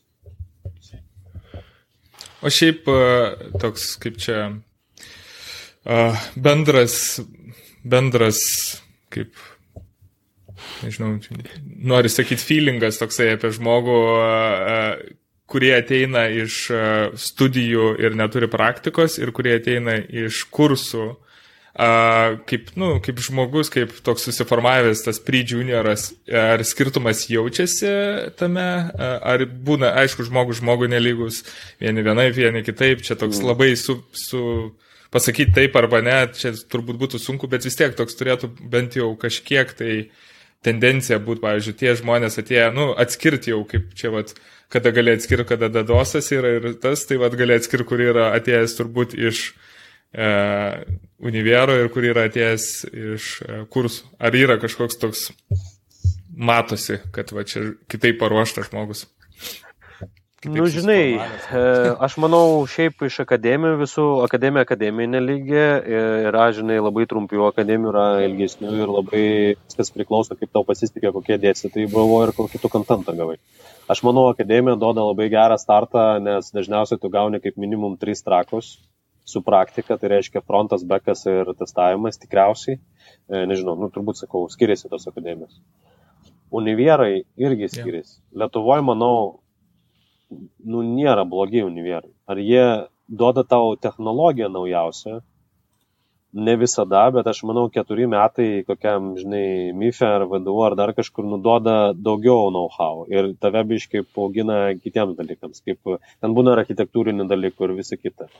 Yra stiprių dėstytojų ir aš manau doktorantų, kurie, jeigu tau vėlgi pasiseks, vėlgi, ar ne, tai visai įdomių projektų galima ten nuveikti ir padaryti. Ir dažniausiai Nu, sunku, žinok, e, atsakyti. Aš, aš manau, kad... Jo, nes... nu, ma, ma, man toks jausmas, kad e, šitie tokie iš kursų galbūt atėję žmonės kartais gali būti net pasirodyti tokie labiau per daug pasitikintis galbūt savim kartais. Uh, dėl ko aš taip galvoju, nes, nu, atsieit čia sumokėjau pinigus, čia man suleido uh, žinojimo dozę apie programavimą ir dabar... Jo, aš galvoju, gal čia toks trendas rinko, ar ne, vis dėlto tai irgi tam tikras verslas, ne tik pagalba žmonėm transformuotis ir galbūt žmonėm yra taip lengvai paduodama, kad, nu, bet kas gali programuoti. Aš, aš negaliu būti programuoti, aš neturiu ja. tam tikrų softinių savybių, aš negaliu, pavyzdžiui, nu, daug ko negaliu ir žinau, kodėl negaliu būti developeriu, bet žinau, ko aš galiu būti. Ir iš kodo akademijos dažniausiai iš, iš įvairių, ar ne, ateina žmonės kažkodėl tik tai apie programavimą iš karto kalba. Neužduoda klausimas apie operacinės dalykus, apie testavimą, apie test automation. Bet aš manau, nu tikrai tas programavimas yra toks, nu laiptais slėpimas. Ir gal, gal mes patys apgaunam rinkoje žmonėm pasakydami, kad po trijų mėnesių tu galėsi programuoti, Bet žinok, aš success yeah. story irgi žinau ir buvau apakęs ir turim savo komandą žmonių, kurie, žinai, nu, kosmiškai auga. Ir negaliu pasakyti, kad tas easy labai perlipimas, kai matai tik žmogus va, pabaigė trijų mėnesių akademiją ir parašo linktinį, aš noriu aplikuoti poziciją regular developerių. Ir tu supranti, kad nu, net žmogus nesupranta to, turbūt to skirtumo tarp reikalavimų ir kiek. Ir, ir, ir nenori, žinai, žai žmogų, tai dažniausiai mes, nu, Būna, kad praleido, tiesiog aš turiu, ne, ne visur gali reaguoti, openly, nes, nespėjai, daug rašo, e, ypač juniorų, labai pre-juniorų, bet jeigu žmogus jau daėjo junioras iki mūsų atrankos ir aš dėkingas devams už effortą, jie dažniausiai pasako, ko trūksta ir kur tau reikia patobulėti ir sugrįž mums pas mus po šešių mėnesių. Ir va šitą sąrašiuką, žinai, padaryk checkboxais. Ir aš labai dėkingas už tokį feedbacką, nes, nu, tai yra toks bandymas, be abejo, yra turbūt, ką, ką mes pražiūrėjom ar nedavėm, bet mūsų tai yra pastanga, jeigu jau mes praleidom, tai nors duot kažkokį injekciją atgal ir rinką, žinai, kad žmonės nu, vis dėlto suprastų. Tai jo, tikrųjų, tęsiant tą, tai, tai feedbackas tai super yra svarbu ir labai gerai. Ir e, dar aš tik noriu pridėti, kad daug kas bijo aplainti darbus dėl to, kad bijo sudeginti tiltus, ne, jeigu aš ateisiu va, į telį ar kažkur ir man visiškai nepasiseks, tai vadinasi, daugiau gyvenime niekada negalėsiu ten ateiti dirbti. Bet kai iš tikrųjų, tai ne, tas pusmetis yra pakankamai laiko tau uh, užkamšyti spragas kažkokias, ar net jeigu negavai feedbacko ar gavai feedbacko, tai nu, po pusmečio tu kitas žmogus gali būti ir, ir, ir vėl bandyti. Um, tą turbūt dar pridėti. Kiti, kiti bijo rejecto irgi to, kad ateis, gaus tokį, nu, tu to, to, to ir dar to nemoki ir toks, a, nu, tai... Bet aišku, bijo, nu, tai, ne, tai yra žmogiška ir, ir man tai nekomfortas ir konstruktyvus feedbackas ir aš gaunu gyvenime feedbacką, žinai, ir neigiamų dalykų, bet aš manau, taip, tai yra sustiprina, arba aš kaip vadinu, tai, tai yra tiesiog informacija, kuri tau duoda impulsą kitam žingsniui. Ir čia, žinai, tą, į tą tavo komentarą apie bijo, kad po pusės metų uh, nuskambės keistai, bet tas GDPR labai padeda, mes negalim saugoti informacijos apie, Ai, apie aplikantą. O kit, kitas, kitas dalykas, e, žinai, tiek daug žmonių eina, kad kartais e, žiūri į gatvį į veidą ir atrodo, nu, atsimenu aš tai. Bet kur, bet, ne? Bet kur. Iš kur, ja. Tai dėl to jūs tikrai, aš manau, visiems reikia e, griebti bet kokią galimybę, bet vėlgi, suprantate, aš manau, kad tas aplikavimas kartai toks būna plikas. Tiesiog linktinė paspaudė mygtuką mm. ir va, imkite mane.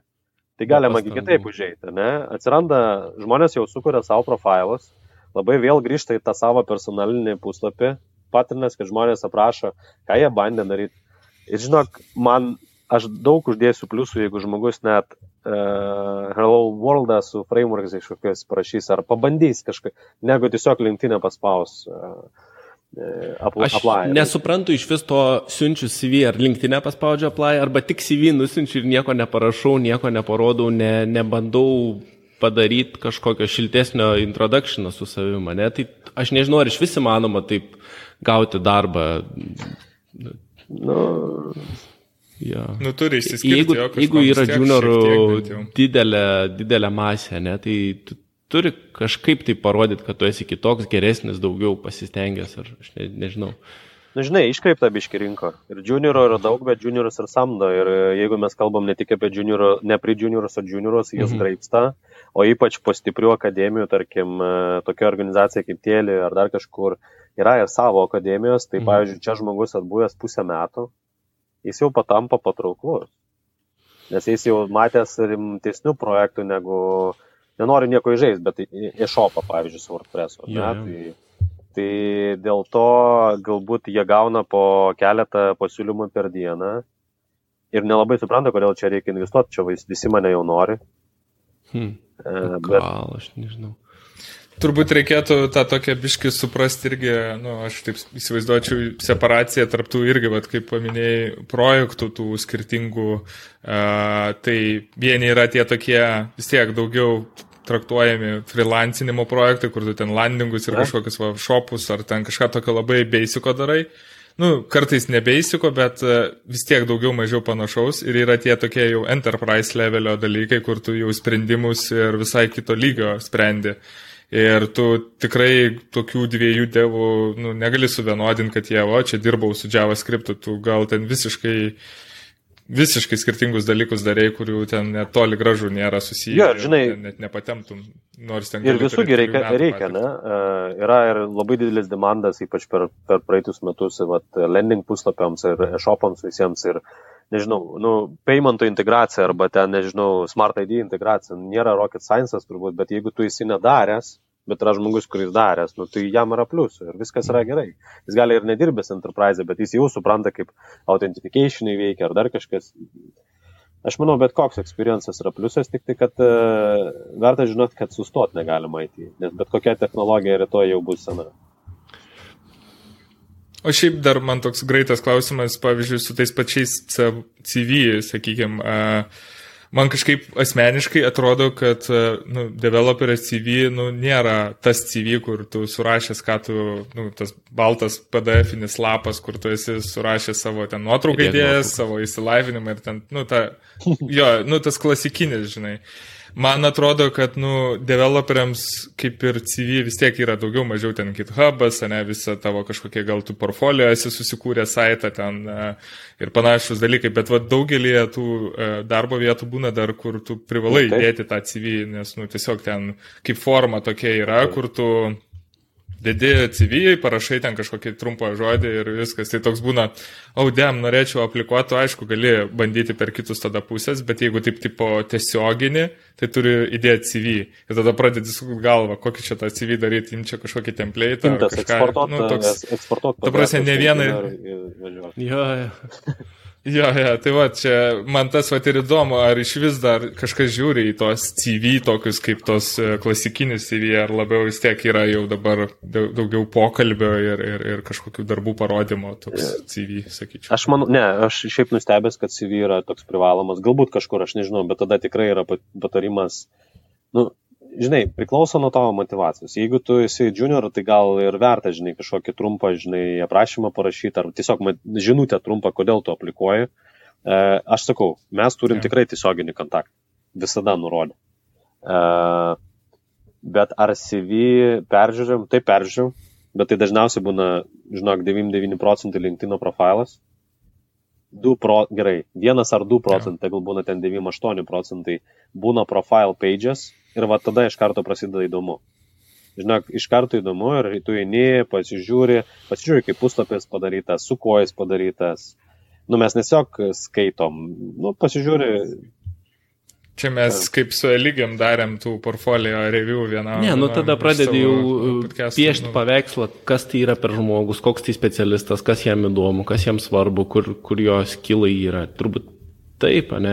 Iki kur jis dėjo, bent jau. Jo, ir, pavyzdžiui, labai įdomių diskusijų iš ten gaunasi, ypač su juniorai. Kodėl tu WordPress'ą pasirinkai, jeigu tu nori būti front-end developer, kodėl tu ten pats nepabandėjai, žinai, pats viską surink. Ir jis turi argumentų savo. Ir fair enough. Jeigu argumentai yra, žinai, konstruktyvus, all good. Nieks, bet tai yra tiesiog impulsas diskusija ir tai yra jau įdomu.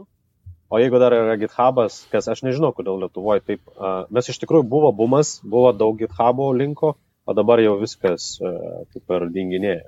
Keista. Aš tai visada advokeitinu GitHub'as. Keista. Čia pirmas yra GitHub'as techniniam žmonėm, portfolio saitas netechniniam žmonėm ir stumi visą šitą.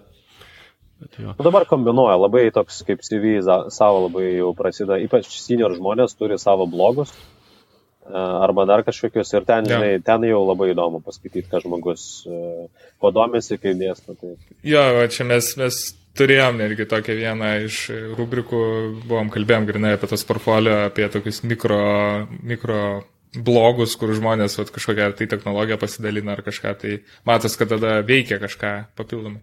Bet taip, summarizinant, galim sakyti, kad CV dabar jau privalomas yra LinkedInas realiai. Jo, ir LinkedIn, jeigu bus GitHub linkas, fair enough. Nu, tipo, žinai. o dar jeigu šiek tiek grįžtant atgal, nes e, jaučiu klausos daugiausia, tai tie žmonės, kur mes klasifainom kaip uh, pre-juniorus, ne? Mm. Tai kaip atrodo dabar realiai iš, iš va, vis tiek pats hairinė ir, ir susituri su to pastoju, kaip atrodo šita rinka? Ar aš kaip įsivaizdavau seniau bent jau, gal ir dabar, kad yra be galo sunku tą pirmą darbą gauti, įžengti į tą programuotojų, nežinau, uh, į workforce iš esmės. Ir tas pirmas darbas yra pati sunkiausias dalis, vos ne taip pat sunku, kaip mokytis programuoti ar, ar kažkas tokio. Uh, bet atrodo, jo. kad lengvėja, gal tiesiog tas iškryptumas padeda pirmus darbus pra, pralaužti ar, ar kaip. Sunku, sunku patekti turbūt į tikrą development teamą, vis tiek yra reikalavimas ir nu, rinkoje yra juniorų ir jų nemažai vis dėlto konvertuojasi žmonės ir jeigu tu visiškai neturi patirties, aš turbūt ir pagalvočiau, nepabijoti ir nueiti į nebūtinai grinatas e, programavimą. Tai gali būti opcinė pozicija, tai gali būti stam, tai gali būti pusę metų effortas. Didelio organizacija tave pastebės, tu įrodysi, tu gali iš karto ateiti su tokiu, uh, žinai, flego, kad aš noriu mm. aš suprantu, kad aš neturiu patirties, duokit, va, apsižiūrėt, padirbėti ir aš įrodysiu. Ir galima tartis turbūt, e, o galima gauti mentorių jūsų kompanijai. Tai yra vienas trekas. Kitas vis dėlto, jeigu tai yra short akademija, vis dėlto aš sakyčiau, dažniausiai būna exceptionai, kad ten iš karto rockstarai išeina.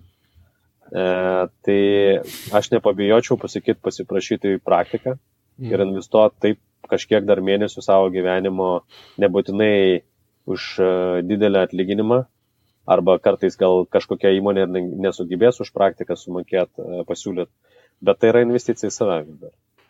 Ir per tą praktiką parodyti save ir turbūt tai yra toks kelias irgi. Nu ir trečias dalykas, vis dėlto, jeigu jūs renkatės akademiją, aš manau, yra skirtingų akademijų.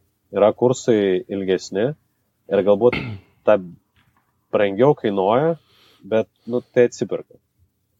Ir vėlgi, e, e, prie juniorai, manau, turėtų kažkiek pamirško, kas apie pinigus, nes ne dėl to, žinai, mes žengiam tą pirmą žingsnį, o labiau reikia gauti ir parodyti ir nu, investuoti skilsus. Pinigai ateis. Nu, Aš turiu tas komfortas tai, finansinis ateis. Jo, aš jaučiu daug kartų šito nepamečiau, kur man didesnis buvo tikslas gauti darbą tam, kad galėčiau su naujom technologijom dirbti ar kažką išmokti, ar į kažkokią kitą kompaniją patekti, ar kažką išmėginti, žodžiu, ūktelto, ne tiek, kad, kad pinigų daugiau gauti, bet aišku visada, kaip ir sakai, tas ir pinigai iš paskas ateidavo.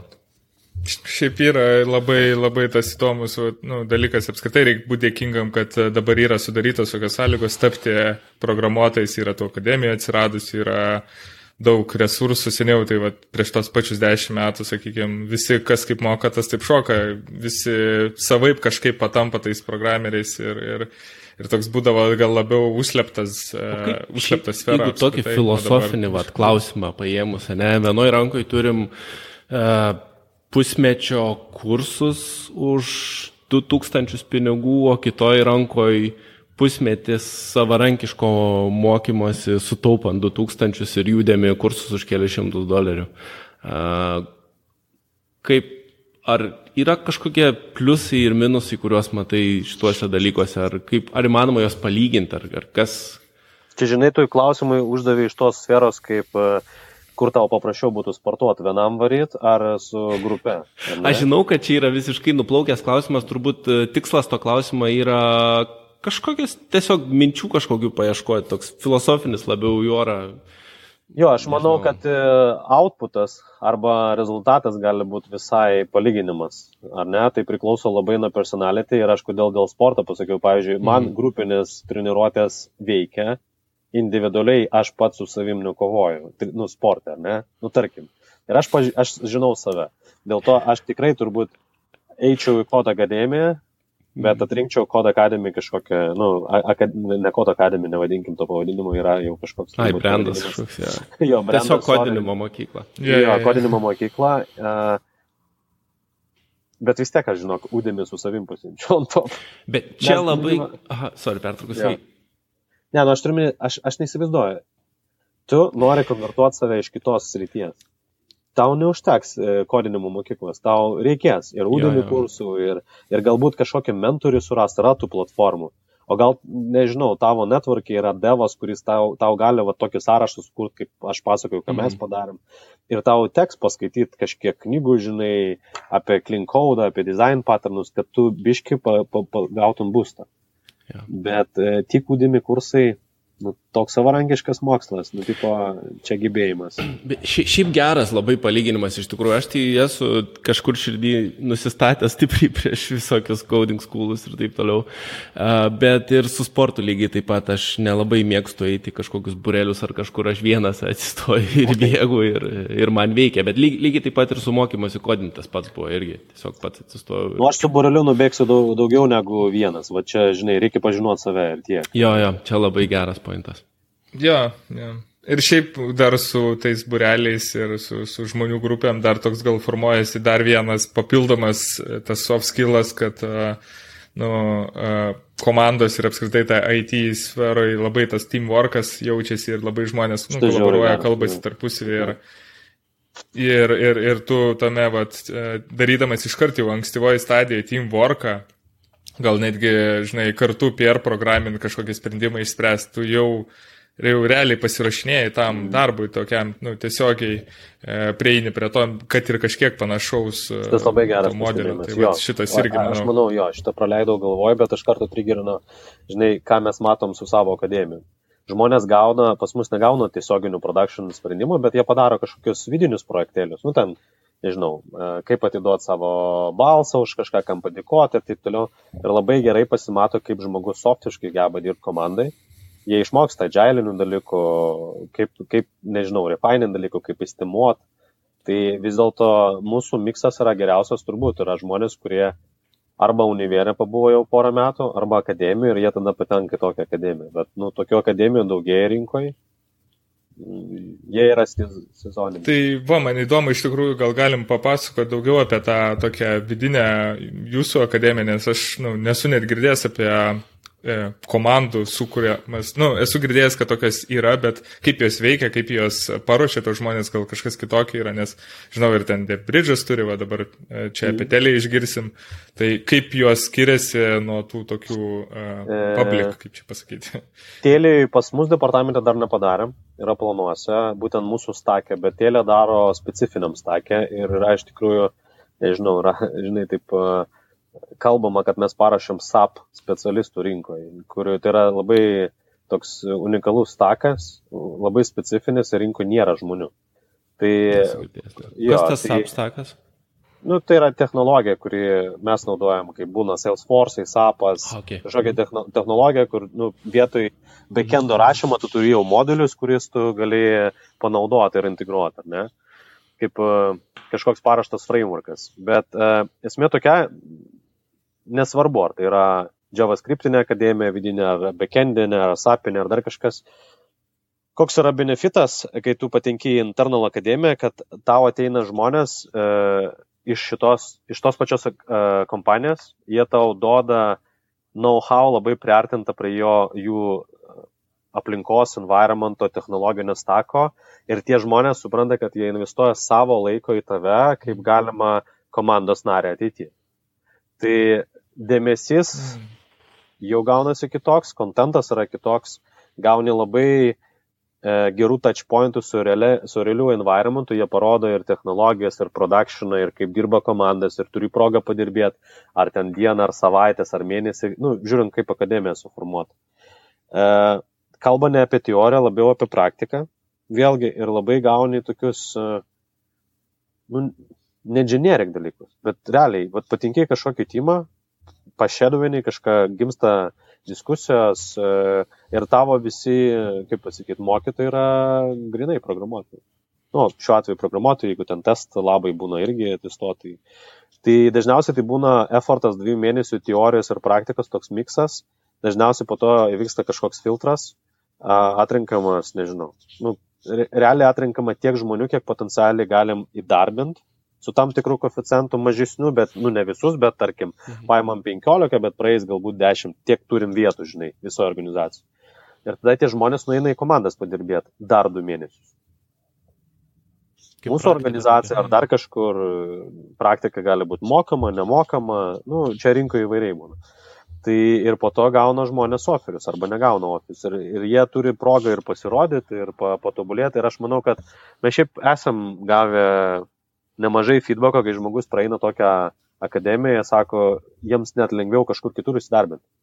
Žodžiu, akademijos, kurios yra padarytos kompanijų, vertinamos rinkoje pakankamai aukštai. Man irgi jos atrodo, nes jos daug realistiškesnės yra, negu tu kažkur nuėjęs kažkokį, nu, kaip orą mokais, ne, ir įsivaizduojamus side projectus darai. Čia jau kažką realistiškesnio turbūt. Nu, va čia, kaip ja. sako, tas yra tas generik dalykai, ką tu taip iš bendrų maždaug dalykų, nu, gali su, su, sudėlioti vieną projektą ar kažką, o kur tu dirbi realiai, nu, praktiškai per žingsnį esi nuo to galbūt pačio developerio, tu pajauti tą pulsą, pajauti, kaip tai veikia. Tai jo, iš tikrųjų. Bet čia naujas dalykas apskritai yra. ar- Turbūt ar- trendas tiesiog patapo, ne naujas dalykas. Tiesiog visi būmina, kaip ir, žinai, e, daug, e, kaip ir podcastai yra trendas, ne? Ja. Ja. O kaip, o kaip tada Bet kokybė pateksi? auga. Tai. Mhm. O kaip patekti į tokią akademiją? Ar skelbėt jūs Jo, konkursą? skel- skelbiamas konkursas dažniausiai iš anksto, kad bus tokia tokia akademija. Dažniausiai bando patekti į tą universitetų ciklą, kada dažniausiai žmonės, tai ten nuo vasario pradžia iki ten savo vidurio, nu, įvairiai, įvairios kompanijos daro. Bet e, jo, skelbiamas tikrai konkursas. Ir šiaip e, jūs paminėjote, ir aš manau, bet e, daug, daugiausiai jau kompanijų turi akademijas. Ir man atrodo, Mhm. atrankos jau irgi sustiprintos, tai reiškia, norinčių yra daug daugiau negu galim priimti rinkoje ir dėl to irgi verta pasiruošti. Aš- apie kompaniją, kodėl aplikuojat, kodėl būtent šitą akademiją pasirinkti. Kas, nu, yragi netvarkė daugiau žmonių. Yra jau dabar tulsai, LinkedInai, Facebookai. Gali pasižiūrėti, kas buvo, galbūt dalyvavo, ar dar kažkas. Gali pa, pa, daugiau surinkti informacijos, ateiti labiau motivuotas ir argumentuotas, kodėl čia nori patekti. Nes aš girdėjau tokią mintį kažkada, nežinau, kiek jinai reali, kad a, šiais laikais patekti tokias įmonių a, akademijas yra beveik taip sunku, kaip prieš penkis metus ar kažkiek darbą gauti būdavo. Net, ar, ar, ar kažkas tokio pirmą, pirmą darbą. Aš žinau, kad yra kažkoks lėris uždėtas pagal ką vis tiek žmonės atsirenka, nėra, kad nori ir ateik, e, vis tiek yra biškė atranka prieš... Ne, žiūrėkit, aš už, už, visą, už visą rinką negaliu kalbėti, bet e, mes esame mačiūrų organizacija, kuri tikrai žino, koks outputas gali būti. Mes negalim tiesiog akademijos padaryti ir nepaimti žmonių į darbą, ar ne? Tai reiškia, jeigu mes, tarkim, turim 10 vietų, nu tai turbūt mes akademiją galim bandyti daryti iš 30 žmonių. Tai, nu aš nežinau, nebūna taip, kad ten 120 aplikantų, nu taip nesam dar matę, bet be abejo, renkasi taip pat pagal CV, ką žmogus jau bandęs, matęs, kalbasi, į čarą susitinka softiškai, pasikalba su žmonėm. Vėlgi, jeigu nėra veržlumo kažkokio ar noro tobulėti, ar žmogus tiesiog ateina, duokit man, aš noriu būti programuotoju, jūs padarykit iš manęs programuotoją. Nu, turbūt, kad sunku bus patekti tokiam profilui. Bet žinai, vėlgi, aš noriu pasakyti taip, gerai, galbūt sunkiau patekti, bet tu žinai, kodėl tu, tu didį pastangas, nes tikriausiai net jeigu negausi to pozicijos organizacijoje, tu išėjęs į rinką, Tikrai, tai. jau daugiau gausi, bet ką aš noriu pasakyti dėl, uh, kaip tu vadini, kodin, kodinimo, mokyklos programavimo kažkas. Man, man visą laiką kažkaip tą namingą noriu pasakyti. jo, jo, nes šiaip jis toks kaip bendrinis ir yra, iš tikrųjų, tai kažkas pasiglemžė. jo, tai ką aš noriu pasakyti, ką aš girdžiu. Uh, šiaip Hebra, regular devai, uh, most strong devai, jiem rūpi, kas darosi Lietuvoje. Ir kodėl čia eina kompanijos. Lietuviai to visą laiką ir skiriasi, kad mes buvom ir aš noriu tikėti, kad mes vis dar savo programuotojai masė ir esam tokie, kad mes esam labai geri problem solveriai. Mums visą laiką norėjo bėgti priekį, daryti gerai, quality, greitai. Tai uh, dabar į tos mokyklas pradėjo devai eiti ne dėl kažkokio pelno ar dar kažko, jie nori padaryti tokią gerą injekciją savo žiniom į, į žmonės. Ir man tas labai toks faina skamba, nes aš klausiu, kodėl tu ten, žinai, tau kainuoja papildomai laiko vakarais.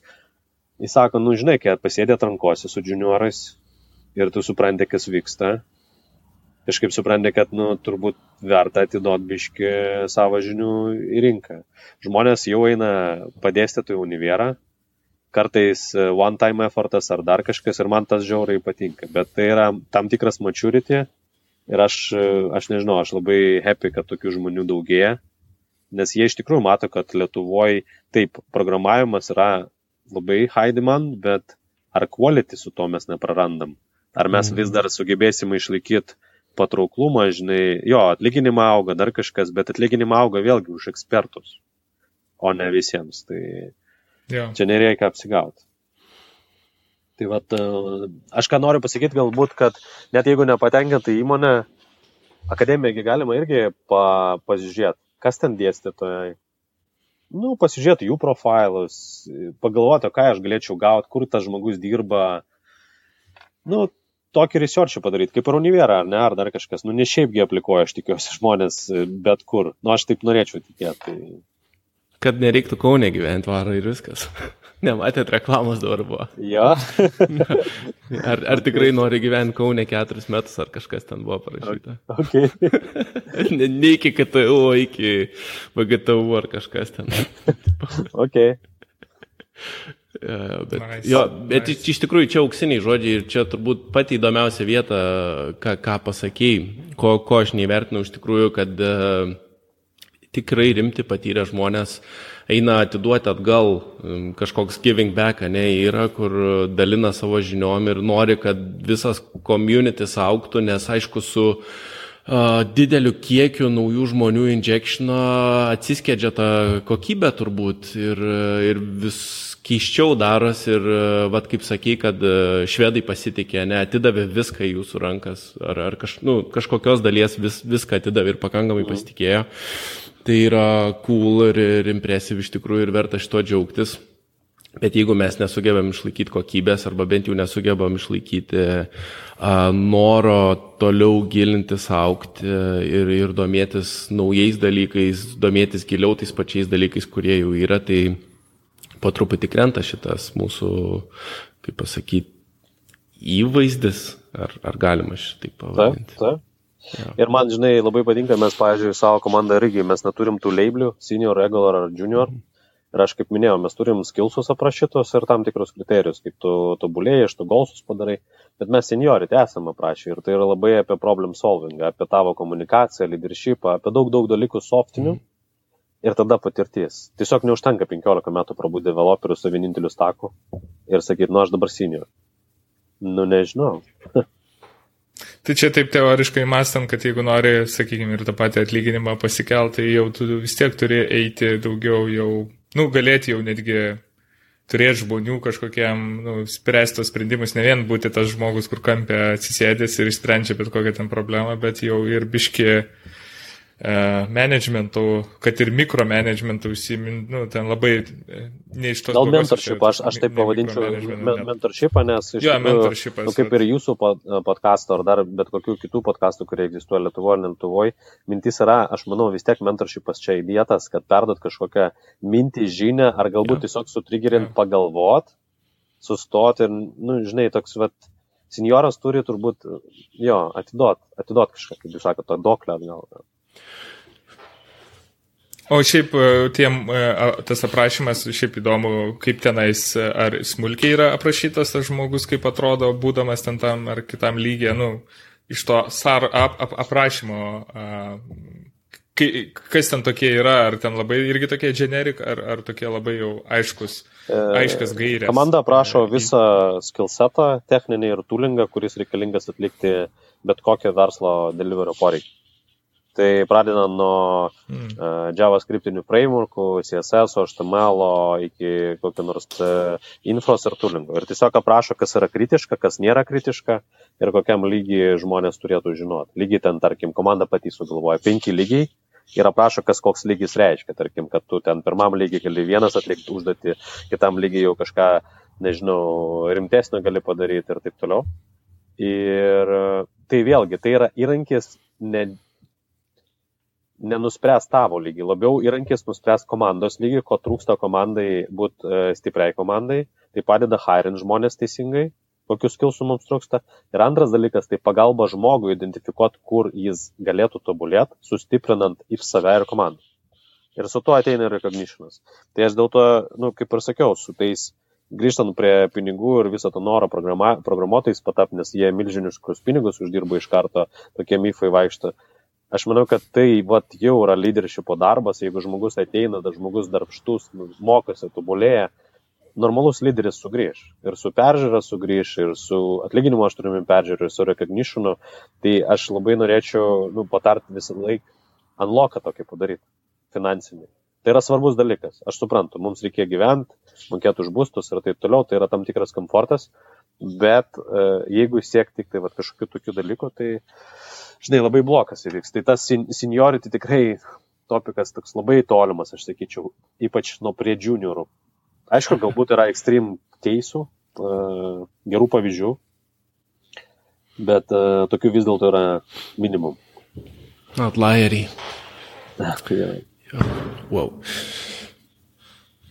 Man, man tik tai įdomu dar tas, taip, kaip tas recognitionas, į, nu, įvyksta viduje komandoje, kai, nu, checkboxus tu užsidėjęs gal turi savo, bet uh, tu turi parodyti ir komandai, tai tu dirbdamas pabiškė vis įsimaišai ir vis kažkokį pull requestą naują pagamini, pavyzdžiui, prie to serviso, ar ten vis daugiau įsijungi, prisidedi, nu, kad susidėtų tau į vieną ir sakytum, va, viskas, aš jau kaip ir pasiekiau. E, dažniausiai tas įvertinimas vyksta individualiai. Pavyzdžiui, mes va trys su jumis esam komanda ir tarkim paimkim e, JavaScript, kokį nors uh, plain JavaScript, CSS, HTML, ten React, tarkim, ne, ir mes įvertinam save tam tikro iškaliai ir po to mes tarpusavai, nu, priklauso nuo mūsų komandos maturity, anonimiškai ar tarpusavai pakalibruojam, kaip jūs mane matot, kaip aš jūsų matau. Uh, ir tada, mm. turint tokį impulsą, mes kas ketvirtį ar kas mėnesį, čia vėlgi priklauso dažnumas komandai susėdam ir pasižiūrim, ar liksėjus patobulėjo ar nelabai, žinai. Tai Mm. Ir kas tai Įdomi, faina labai prideda, žinai, naujų skilsų, naujų frameworkų ateimas, dar kažkas dasideda ir... Nu. Kažkai, ar būna tokių, kad e, ten du sako, nu tas tai gerai varo, trečias sako, per niekur jisai su to negali dirbti, toks išsikirtinumas. Bet turbūt, man, bet, nu, jo, būna. Bet šiaip žmonės dažniausiai save turi kažkaip jau. Kas įdomiausia, iš mūsų experienco dažniausiai nuvertina, būna aišku ir kur pervertina, bet tai labai retai, bet dažniausiai vis dėlto atsargiau tai padaro. Dėl to labai reikia, kad komanda būtų stipri ir labai open environmentas, kad, žinai, būtų, nu, negėda pasakyti ir kaip aš jaučiuosi, ir kaip aš manau apie kolegą. Tai dėl to vis dėlto yra to, tas anoniminis galbūt toks e, feedbackas. Bet vėlgi tai yra toks e, laikinas dalykas, mes nusekim, kad būtų toks environmentas, kur galima būtų atvirai kalbėti. Čia labai svarbus dalykas. Jo, tai jaučiu, kad galim po truputį uždarinėti mūsų pokalbį, ne? Šiaip super, nais nice, pakalbėjom, daug įdomių dalykų papasakojo Aleksijai, labai iš tikrųjų įdomu. Uh, ir, ir nais, nice, aš nežinau, ar dar mes turim kažkokius uh, užbaigiančias mintis gal pasakyti, ar kažko nepalėtėm, uh, kaip manai. Ar, ar Aleksijai, gal ir Vytautas turi kažką pridėti, pasakyti, paklausti dar paskutinį klausimą. E, nu, aš nežinau, gal e, iš mano pusės tai toksai turbūt pasikartojimas vėl čia per, per jau kilintą tą mūsų e, tokį panašų e, pakalbėjimą, tai kad tiesiog jo žmonės e, vieni labai nusivertina, kiti persivertina, bet reikia turbūt pasidaryti, čia iš šiandienos pokalbio pasidaryti gerą researchą, kur ir, ir nu, į ką einama yra, pavyzdžiui, su to pačiu programavimu. Ir neteiti į šitą visą sferą su kažkokiu išsigalvotu, e, nežinau, modeliu ir galvot, kad čia vienai po, po to ten tikėtis kažko kito, tai turbūt čia jau pati, pats pirmas toksai researchas ir pagūglinimas, kurio ir reikės, kai jau programeris bus labai daug googlint, tai va, yra gera researchą pasidaryti. Jo, tas fain. Pradžiai. E, aš manau, geras tavo irgi komentaras, žinai, tas researchas iš vis klausimas, o kodėl programavimas? Nes sportai tai daug pinigų ir ja. visa kita yra recognition ir šlovės irgi, bet ne visi sportininkais patampa, ar ne? Nu, jeigu jau taip, o programavimas ant tiek greitai evoliucionuoja, kad e, kartais galima įgyti šiandien kažkokį vieną skilsą ir, pavyzdžiui, neturėt e, noro tobulėti pastoviai mhm. ir tu labai audėti ir nereikalingas po tam. Nu, tai yra toks labai užprogramuotas, e, tu turi būti pasiruošęs nusikliai bėgti sprintą arba maratoną, pavadinkim taip, ir tokį maratoną pastoviai kalną. E, tam, kad išlaikyti savo e, likvidumą ir išlikti patrauklus ir savo darbdaviams ir kolegom, kad e, tas būtų toks įdomumas. Bet aš tai irgi kažkaip noriu palikti tai, kad e, aš manau, kad darbdaviai tikrai yra pasiruošę, investuoja ir komandas, ir leadershipus, auginti žmonės, mes turim sukurti environmentą ir mes tai vadinam hygiene, nu, hygieną, duoti įrankius, e, tas pačios sudėmė ar plural saitus, knygas, biudžetus, dar kažkas. Bet programuotojas, programuotojais mes žmonės nepadarys. Žmogus pats save padarys programuotojai, jeigu tik mhm. norės. Ir tai yra svarbiausia.